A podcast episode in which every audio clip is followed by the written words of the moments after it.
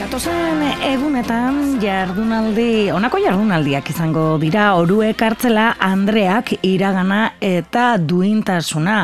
Orue Kartzelaren inguruko ikerketa abiatu lantalde batek, Orue Txaletaren historia berreskuratzen ari dira.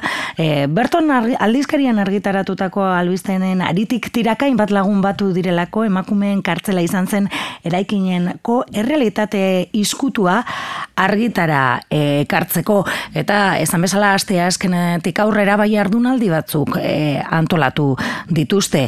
Tira, orue txaleta kartzela izan zela guk ere eskenekien, izan ere ba, klinika giza edo ezagutu izan genuen.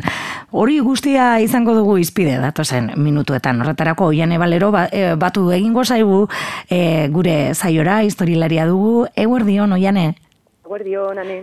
Bueno, tira, eh, lehenengo eta behin, agian, entzulea kokatzeko, oruetzaleta kokatu beharko genuke, ez? Bai, bueno, oruetzaleta, eh, esan dezakegu, gaur egun, eh, santutxuko metroaren irteera, dagoen tokian, eh, zegoela. Hau da, Carmelo komentuaren eh, parean edo. Mhm. Eta Eh, eguneko eh, Monseñor Remigio Gandasegi eh, eraikinak dauden tokian, hain zuzen ere. bai, eraitzia izan zelako.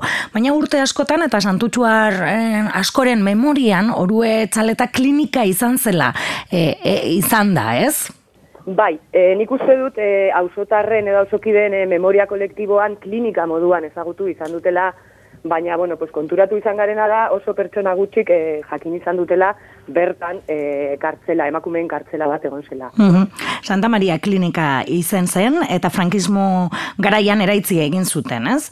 E, e, nola biatu zen guzti hau esan dugu, ez? E, e, ikerketa lan bat, eta, bueno, berton argi, e, aldizkarian agertu zen, ez? Zer dakizu orue txaletari buruz, eta e, hor hasi zen, ez? Pizka bat esango gendun, ernaltzen, ikerketa talde hau, eta, bueno, konta iguzu kokatu egiguzu pizka bat oiane. Bai, bueno, pues, e, nik uste lehenik eta behin e, Andrea Geus, mine Baskaleko kideko e, partaidea dena, e, bueno, pues, abiara ez zuela edo e, e, lan, lanketa hau. Mhm. Eta, bueno, pues, hori, abiatu ginen batez ere ikusita, pues, auzokideek ez zutela e, ezer ezagutzen, e, bueno, pues, kartzela eta bertako emakumeen e, inguruan. Mhm. Orduan, bueno, pues, eh, hasi ginen, lehenengo Berton aldizkaritik, eh, bueno, pues, plazaratzen edo deialdia luzatzen, eh, batez ere, ba hori lekukoak, argazkiak edo dena delakoa eh, biltzen azteko. Bai, historiaren bat non hor buruan gordetzen basuen norbaitek kontatua, ez? Edo. Hori da, hori da, edo bertan em- izandako emakumeren bat, edo emakume baten eh, alaba edo semea edo dena delakoa, Mhm. bueno, pues ia zer atera algenuen eh, hortik. Eta, bueno, pues hor jarri ginen harremanetan be- bi emakumerekin, e, eta, bueno, pues, bere historioa kontatu ziguten apurtxu bat. Ni, Andrea, nirekin kontaktuan jarri zen eh, emakume hauei eh, elkarrizketa egin alizateko, ni historialaria naiz. Eta, bueno, pues, bertan batu nintzen eh, lantaldera. Mhm. Baina, bueno, lantalde horretan beste emakume batzuk ere badaude, daukagu eh, Monika Calvo, bera antropologoa da, eta eta ordu etxaletaren inguruan e, egiten ari da tesia, bueno, e, represio sexualizatuaren inguruan, eta, bueno, pues, bera egiten ari da apurtxu bat e, ikerketaren muina. Eta, eta bueno, pues, elkartu ginen e, talde polit bat, eta, bueno, pues, abiarazi genuen proiektua, bueno, pues, lehenengo oso sumeki, elkarrizketa edo testigatza batu jasotzen, Eta, eta gero, bueno, pues, eh, animatu ginen horrelako jardunaldi batzuk eh, Mhm. egitera. Uste dugulako ikerketa ondo dagoela, baina batez ere, bueno, pues, gu- gure helburua izango litzateke ikerketa hori, eh, bueno, pues, auzora eramatea, ez? Azkenean auzo, auzotarrei eh, jakinaraztea edo helaraztea. Mhm.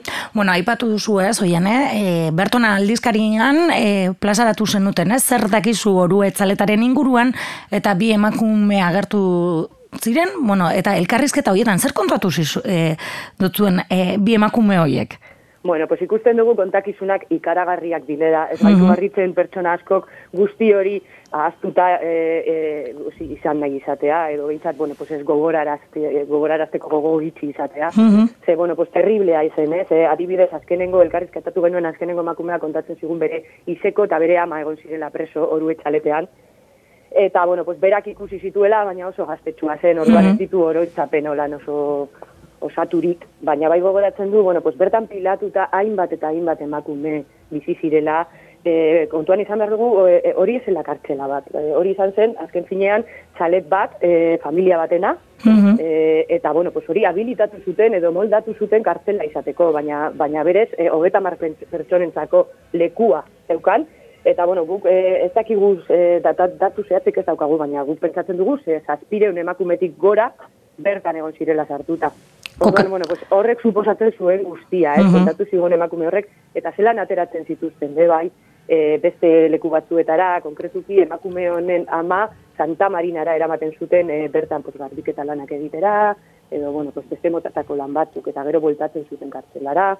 Eta, bueno, pues, horrela, ibili ziren, e, pues, lau edo bost urteetan zehar, be, kartzela hori, e, bueno, indarrean egon zen denbora guzti horretan, ez? Urtea, mi bedatzen dugu eta mazazpiko ekainan fasistak bilbora heldu eta gutxira muntatu zen e, oru betxaletean emakumeentzako kartzela hori, ez? Eta bai. urte batzuk e, egon zen irekita?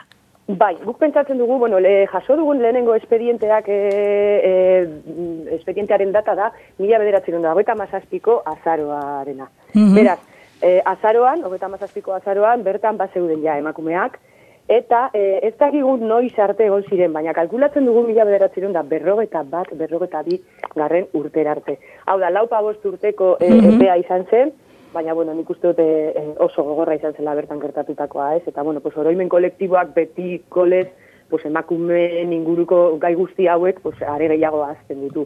Eta horregatik pues, bueno, e, guzti hau e, berreskuratzearen e, garrantzia eh? Bueno, interesgarria oso egiten ari zareten ikerketa lana, baina hori ere aipatu duzun bezala hoian, eh, ba, e, gizarteratu behar da, auzoan kontatu, ez eta horretarako, ba orue kartzela Andrea iragana eta duintasuna deituriko ba jardunaldiak antolatu dituzue, e, bai hitzaldi ezberdinekin, Errepublika eta Gerra Zibilan Andre Bilbotarren parte hartze aktiboa eta hor islari pare bat izango dira aste azkenean, arratsaldeko aspiretan Karmelan, eh Gero bestetik ere ostegunean hitzaldia izango da ere, ez? Ez alantza gaituzte eta generoa, ez? Bilboko Andren kartzela, Orue kartzela, eta hor Monika arituko da, Monika Kalbo arituko da e, e, e, berbetan, azaroako hogeta gamar, ostegunean, zazpiretan, baita ere Karmelan, esango dugu, eta hoian zuretzen da, esango gendun, e, e, ostiralean izango da, arratzaldeko zeiretatik, ba, e, ibilbide gidatu bat proposatzen nahi diesulako ausotorrei edo interesa duen orori. Bai, bai, gure ideia da, bueno, pues, eh, apurtxu bat zantzutuko bazterretatik e, ibilbidetxo bat ematea, eta, eta bueno, pues, e, e, bizitatzen ditugunen eraikinen inguruko pues, azalpen ditxo bat ematea peti, emakumeen ikuspuntutik. Mm Eta, bueno, gure bizita hasiko litzateke gaur egungo musika eskolan, hori bere garaian kasa galera izan zen, hau da, emakumeen e, kartzela antzeko bat. Agian hori ezagunagoa da guretzako? E, boz nik uste dut, e, e, bai, ze mm justo parean zegoen larrinagako kartzela, mm -hmm. kartzela, eta nik uste dut hori, bori, imaginario kolektiboan, pues, ba, asko zaz presenteago dago. Mm Orduan, bueno, pues, e, apurtxu bat kontatuko dugu gerra aurreko e, bizimodua, ez, emakume haiena. Batez ere, bueno, pues, kartzeleratuak izaten zirenak, e, eta, bueno, pues, horrelako eraikinetan edo sartzen zituztenak, bai. -hmm. Eta, bueno, horraziko gineateke, gero jongo gineateke e, maternidaz eraikinera eta kasa despositos izan zena, ume zurtz edo ume abandonatuek. Han alboan e, dagoena, ez? Bai, dana mm. dago. Dana dago bueltan, ez? Esango bai, gendun. Bai, bai, metro gitxi batzutan e, ikusten ditugu eraikin guzti hauek, eta gero ikusiko dugu, bueno, pues, zelan e, kartzela bilakatuko diren eraikin asko, eta oso metro gitxitan, e, bueno, pues, e, hainbat eta hainbat preso sartuko zituzten. Nolakoa zen inguru hori, ez? Asoi ba, hartan, ez? Zein, e, imaginatu, e, memoria ginez, nolakoa zen inguru hori. Hori da, hori da. Seguk uste dugu, bueno, pues, e, hausokideen bizitza era bat baldintzatuko duela, bueno, pues, gerraren e, e, ondoren etorriko den errepresio hori. Eta, bueno, horuek hartzelan esan dugu, ez, e, berrogeta mar entzako lekua zeukan eraikin batean, pues, aspireun emakume baino gehiago sartuko zituztela, e, larrinagako kartzelan zeireun presoentzako prestatuta zegoen eraikinean, pues, e, irumila baino gehiago e, sartuko dituzte, mhm. eta, bueno, pues, pilaketa guzti horrek, ez, pues, e, azkenean, eta errepresioa, ze azkenean larrinagan fusilamenduak e, mm ematen ziren aurrera, eta ez bakarrik fusilamenduak baizik, eta e, garro, agarrotatuak ere izaten ziren, garrote bilarekin. Eta, eta bueno, guzti hori oso gogorra eta erabat eh, baldintzatuko zuen eh, auzoa eta auzotarren bizitza. Eta bueno, pues, hori jarri nahi dugu mai gainean. Eh? Zelan aldatuko den, eh, pues, egun batetik bestera, auzotarre guzti horien bizitza. Mhm. Bueno, ibilbide gidatua, Andren bizitza, santutzuko basterretatik eh, du izena, eta aipatu bezala, oianek aipatu bezala, ostiralean, arratzaldeko e, zeiretan, bueno, Andrea ere zurekin arituko da, musika eskolatik hasiko da, sorkunde kalean dagoen musika eskolan. Eta ostiralerako, e, barkatu eta larun baterako, arratzaldeko zeiretan, anima eskolan, ba bueno, antzeslan bat izango da, la semilla del roble antzeslanaren aurre estrenaldia, eta ondoren, Maria González Gorosarriren Rosario, la dinamitera dokumentalaren emanaldia eskainiko da ere, ez? Os, bai, hori da. Hori da, pues, bueno, guk ikusi dugu horrekin nahiko osatua geratzen dela jardunaldien e, aste hau. Eta, eta bueno, pues, e, antzerkiarena aurre estreinaldia dela diogu e, anima eskolak e, ideia dauka, bueno, aurrerantzean ere e, pues, lan honekin jarraitzeko. Mm Orduan, bueno, pues, igual, etorkizunean aukera izango dugu e, estrenaldia ikusteko. Mm e, lana da, e, pizka bat gaiaren inguruan, e, bueno, anima eskola ere santutzen dagoenez, proposatu eta eurek landu egin dute? Hori da, hori da. Eurekin kontaktuan jarri ginen, eta, bueno, pues, arantza rojas e, izan dela gurekin e, lan, lan, lan taldean ibili denak, esan zigun, beha, berantzako oso interesgarria zela, pues, hau aurrera eramatea. Eta, bueno, pues, e, ikusi dugu, ba, ez dakit ilusio handiarekin ari direla prestatzen, ez? Eta, bueno, nik uste dute polita izango dela hori ikustea. Mm Bueno, ba, entzuleari gombitea lusatu orue txaleta izan zenaren inguruan jakin mina badu, e, ba, hortxe jardunaldia kaste azkenean arratzaldeko zazpiretan, azte azken eta osteguna, ba, karmelan izango dira hitzaldiak eta ondoren bizita gidatua, hausoko leku ezberdinetatik, eta e, larun batean, ba, anima eskolan, antzarkia eta dokumentala. Oruek hartzela, Andreak iragana eta duintasuna jardunaldiak ba e, oiane mila esker gaur gurean egon izanagaitik eta suposatzen dut lanean jarraituko duzuela, ez? Hau hasi baino ez talako egin, ez? Hori da, hau izango litzateke, bueno, pues, proiektu edo ikerketa guzti honen hasiera, baina gure helburua da, bueno, pues, lekukoak eh, jasotzen jarraitzea, eta bueno, pues, ikerketa lanak e, egiten jarraitzea, ez? Bueno, pues, uste dugulako garrantzitsua dela pues, emakumeen memoria kolektiboaren mm, pues, ati handi bat e, berreskuratzea. Mm. Ba, eskerrik asko, Jane, gaur gurean egon izanagaitik.